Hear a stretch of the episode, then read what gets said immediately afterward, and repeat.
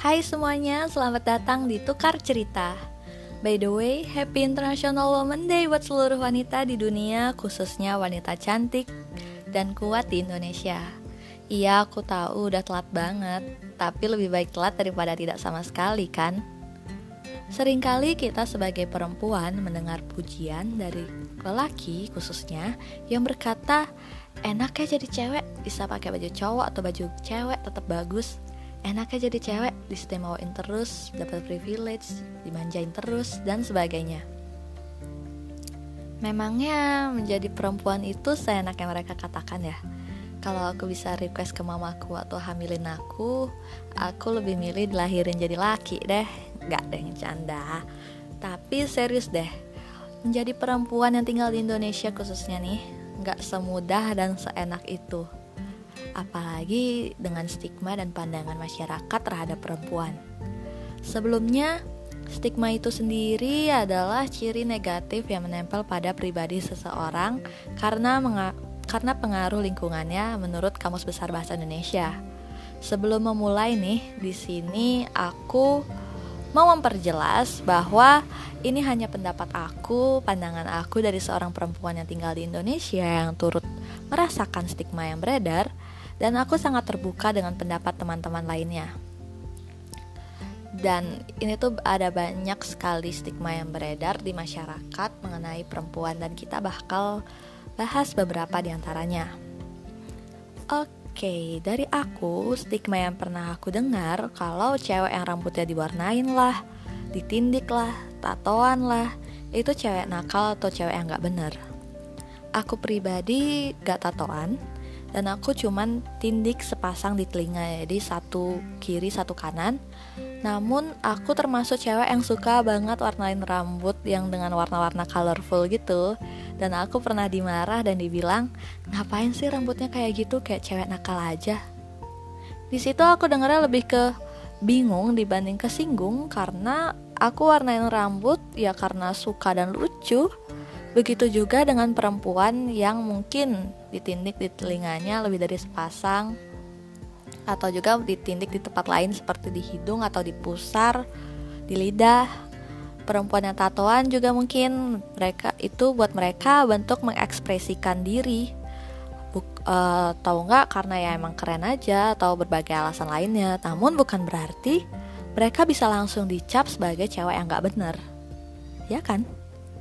Lalu stigma yang beredar tentang perempuan yaitu mengenai pakaian. Kalau cewek yang pakai pakaian tertutup itu cewek baik-baik.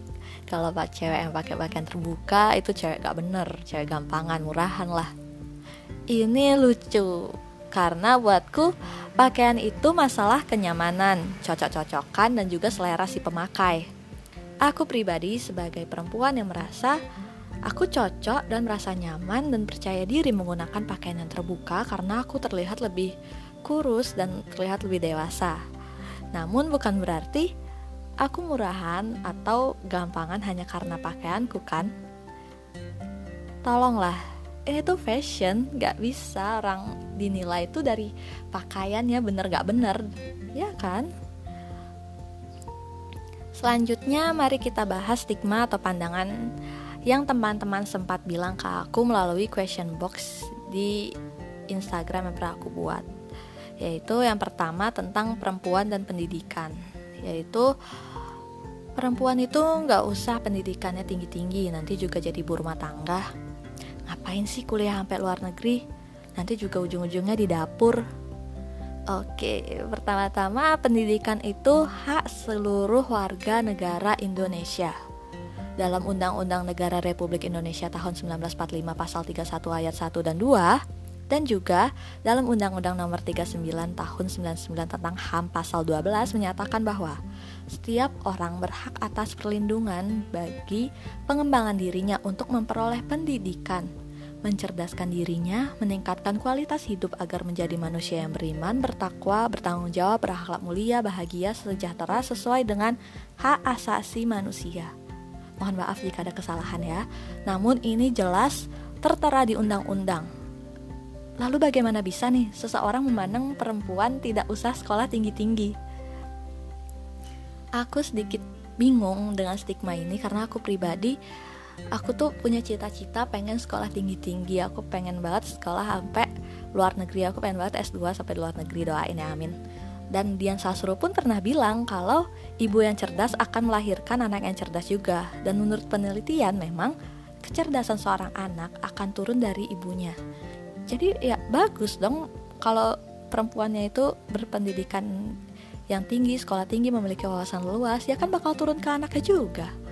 Terus juga nantinya kepintaran seorang ibu ini akan berguna walaupun dia cuman eh bukan cuman sih walaupun dia menjadi ibu rumah tangga karena dia akan menjadi ibu yang cerdas dan mengasuh anaknya dengan baik dia dia akan mendidik anaknya dengan baik ya kan dan juga nih, walaupun ditinggal oleh sang suami, si ibu bakal tetap tenang karena dia bisa merawat anaknya dengan baik ya karena dia cerdas dan berpendidikan. Dia mampu menjaga anaknya tanpa harus bergantung penuh dengan suaminya. Lalu stigma yang mengatakan bahwa sebaiknya tidak us wanita itu tidak usah bekerja di rumah aja, nggak usah kerjalah, jadi ibu rumah tangga aja jaga anak. Menurutku tidak ada yang salah dari perempuan yang menjadi ibu rumah tangga. Asal kedua belah pihak baik pria maupun maupun wanita itu setuju. Apalagi ibu rumah tangga zaman sekarang itu kreatif mereka pasti membuka usaha di rumah membuka usaha di rumah sendiri seperti kayak membuat kue, catering dan sebagainya. Namun yang salah di sini adalah jika pria memaksa perempuan tetap di rumah dan tidak bekerja dan membatasi sosial kehidupan sosial si perempuan. Menurutku wanita bekerja selain untuk memenuhi kehidupan di rumah tangganya, uh, wanita yang bekerja juga ingin memiliki uang sendiri karena ya dia bisa mem memenuhi untuk keperluannya dia sendiri, keinginannya dia sendiri tanpa harus izin dari suami. Aku yakin ada rasa kepuasan sendiri jika bisa menghasilkan dan menggunakan uang yang memang hasil dari kerja keras. Selain itu, wanita yang bekerja juga untuk bersosialisasi loh. Jadi dia bisa ketemu rekan-rekan kerjanya, ketemu konsumen, ketemu pelanggan dan ketemu banyak orang. Dan wanita yang bekerja nantinya dia tidak perlu bergantung penuh dengan si suami karena ya dia bakal punya pekerjaan sendiri, dia bakal punya uang sendiri, dia pasti bakal bisa melanjutkan hidup dengan baik. Menurutku muncul stigma-stigma yang sudah aku sebutin di atas tadi, se sebutin sebelumnya tadi itu dikarenakan budaya patriarki yang masih melekat dan berkembang di Indonesia.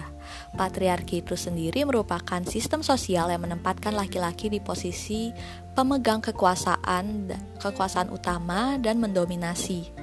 Dan mungkin, mungkin ini ya, mungkin karena ada rasa insecure dari lelaki karena merasa takut tersaingi mungkin atau ngerasa kalau cewek yang berpendidikan nanti dia nggak bisa bodoh-bodohin lagi deh eh, nggak tahu sih ya mungkin ini ya mungkin namun sebenarnya kalau ada cowok yang nggak terima atau nggak suka perempuan yang berpendidikan yang sukses ya itu cowok yang nggak pantas dan cowok kayak gitu tuh mending ditinggalin aja karena cowok yang baik dan cowok yang gentle bakal mensupport perempuan apa pun itu asalkan bermanfaat nantinya.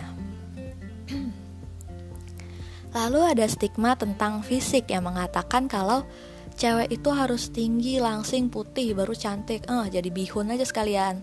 Atau enggak, cewek tuh natural aja, nggak usah makeup tebel-tebel. Ini stigma yang cukup membuat kesal karena terlalu dinormalisasikan, Kak sehingga bukan hanya dari laki-laki saja yang berpikir seperti itu, namun wanita juga, sehingga menimbulkan beauty standar yang sangat jelas di Indonesia. Oke, pertama-tama semua wanita itu cantik dengan keunikannya masing-masing. Udah valid itu, gak bisa diganggu gugat. Mau dia berkulit putih atau gelap, tinggi atau pendek, langsing, kurus, gendut, semua cantik asal tetap sehat. Wanita pun memakai makeup untuk diri sendiri agar lebih percaya diri, lebih nyaman dengan diri sendiri, mencintai diri sendiri. Dan juga semua perempuan mempunyai tipe makeupnya masing-masing. Mungkin ada yang suka makeupnya natural karena merasa lebih cantik, mungkin ada yang lebih suka makeupnya sedikit bold atau kayak lebih sedikit tebal. Ya, ya, ya udah. Kalau mereka merasa percaya diri dengan cara mereka seperti itu ya udah.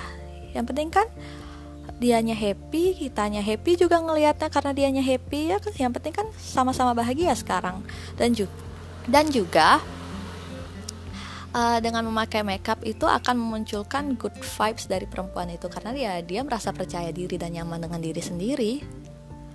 Lalu ada yang berpendapat bahwa perempuan itu sulit dimengerti. Mungkin karena karena perempuan itu sulit mengutarakan perasaan mereka yang sesungguhnya dan karena terlalu gengsi aja makanya jadi sulit dimengerti. Kalau aku sendiri kayak gitu ya jadi aku nggak aku lebih suka ngasih kode-kode dibanding kalau aku harus ngomong langsung ya karena ya males aja kalau ngomong langsung malu. Gitu sih aku mikir ya kalau dari aku ya mungkin perempuan lain berbeda.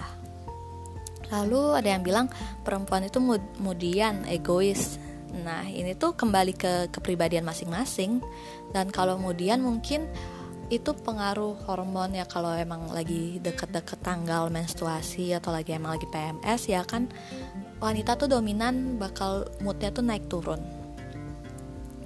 Lalu ada yang bilang perempuan itu selalu benar. Kadang nggak mau kalah dan banyak mau. Nah, untuk aku ini tuh untuk aku nggak mau banyak komentar karena menurut aku kembali lagi ke pribadi masing-masing. Dan pandangan perempuan itu selalu benar. Hmm, setelah pembahasan tadi menurutku perempuan lebih sering dipandang salah dari dibanding benar. Ya sih. Lalu nah ini stigma yang uh beredar. Sering banget nih aku dengar ngajar dan ngasuh anak itu tugas perempuan ini cukup miris ya karena kan anak itu buatnya bareng nih Terus yang mengandung itu emang perempuan, melahirkan yang hampir mati juga itu perempuan. Lalu ketika anaknya sudah ada di dunia nih, itu merupakan tugas dari perempuan alias seorang ibu. Mengurus, merawat, dan membesarkan anak itu adalah tugas orang tua, ayah dan ibu, bukan salah satu pihak. Ditambah lagi, ketika seorang seorang orang tua gagal mendidik anaknya, yang pertama disalahkan pasti ibunya gimana sih ngedidik anaknya? Lalu peran seorang ayah sebagai merawat dan mendidik anaknya di mana? Ketika anaknya sukses, ketika anaknya sukses baru oh iya bapaknya nih yang ngajarinnya bagus makanya anaknya jadi gini. Ya masa gitu? Lalu nah ini stigma yang sering juga beredar kalau cewek harus bisa masak, harus bisa bersih-bersih rumah. Ini lucu karena masak itu bagian dari cara bertahan hidup. Mungkin buat kamu yang masih tinggal bersama orang tua, tidak begitu merasakan pentingnya harus bisa masak karena ya mungkin di rumahmu ada yang masakin.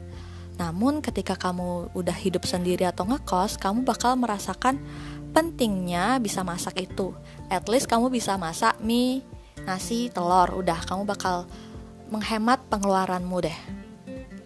Dan juga kalau cewek harus bisa bersih-bersih rumah, kebersihan itu harus dimiliki dan dilakukan oleh semua orang, bukan cuma cewek aja. Cewek atau cowok emang harus bisa bersih-bersih. Emang mau sampai kapan harus nunggu cewek yang bersih-bersih rumah? Sampai rumahmu ketutupan debu. Nah, Lalu apa sih yang bisa dilakukan perempuan Indonesia untuk menghapus stigma yang ada? Jadi menurutku lakukan apa pun yang kamu mau dan jangan mendengarkan perkataan orang karena stigma ini sayang sekali memang sudah melekat di pemikiran orang-orang Indonesia. Nam, e, namun dengan cara kamu menutup telingamu sendiri itu akan membuat lebih baik sih. Kalau kamu mau sekolah tinggi sampai S3 di luar negeri ya lakuin. Kalau kamu mau jadi perempuan mandiri yang tidak bergantung pada lelaki, ya lakuin. Tunjukin kalau kamu bisa menjadi perempuan yang sukses dan menjadi manusia yang berguna untuk diri sendiri, keluarga, dan bangsa. Lalu ada cara yaitu support sesama perempuan. Di dunia yang begitu kejam kepada perempuan, kita hanya memiliki satu sama lain. Maka penting sekali untuk saling mendukung dan saling membantu dan bukan menjatuhkan perempuan lainnya. Lalu ada cara yaitu berkarya apa pun itu. Tunjukkan pada dunia kalau kamu bisa menjadi perempuan yang hebat dan kamu bangga akan hal itu. Namun walaupun aku kadang berpikir minta dilahirkan sebagai laki-laki, aku tetap bangga menjadi perempuan yang kuat di Indonesia dan bisa bertahan hingga saat ini. Dan kamu pun harus bangga menjadi menjadi perempuan di Indonesia. Oke. Okay. Thank you buat yang udah mendengarkan. Mohon maaf jika ada kesalahan kata atau yang menyinggung perasaan teman-teman. Aku sangat terbuka dengan pendapat-pendapat lainnya. Mungkin ada yang berbeda pendapat dengan aku. Mungkin bisa di DM ke aku atau komentar aja. Sampai ketemu di episode selanjutnya. Bye.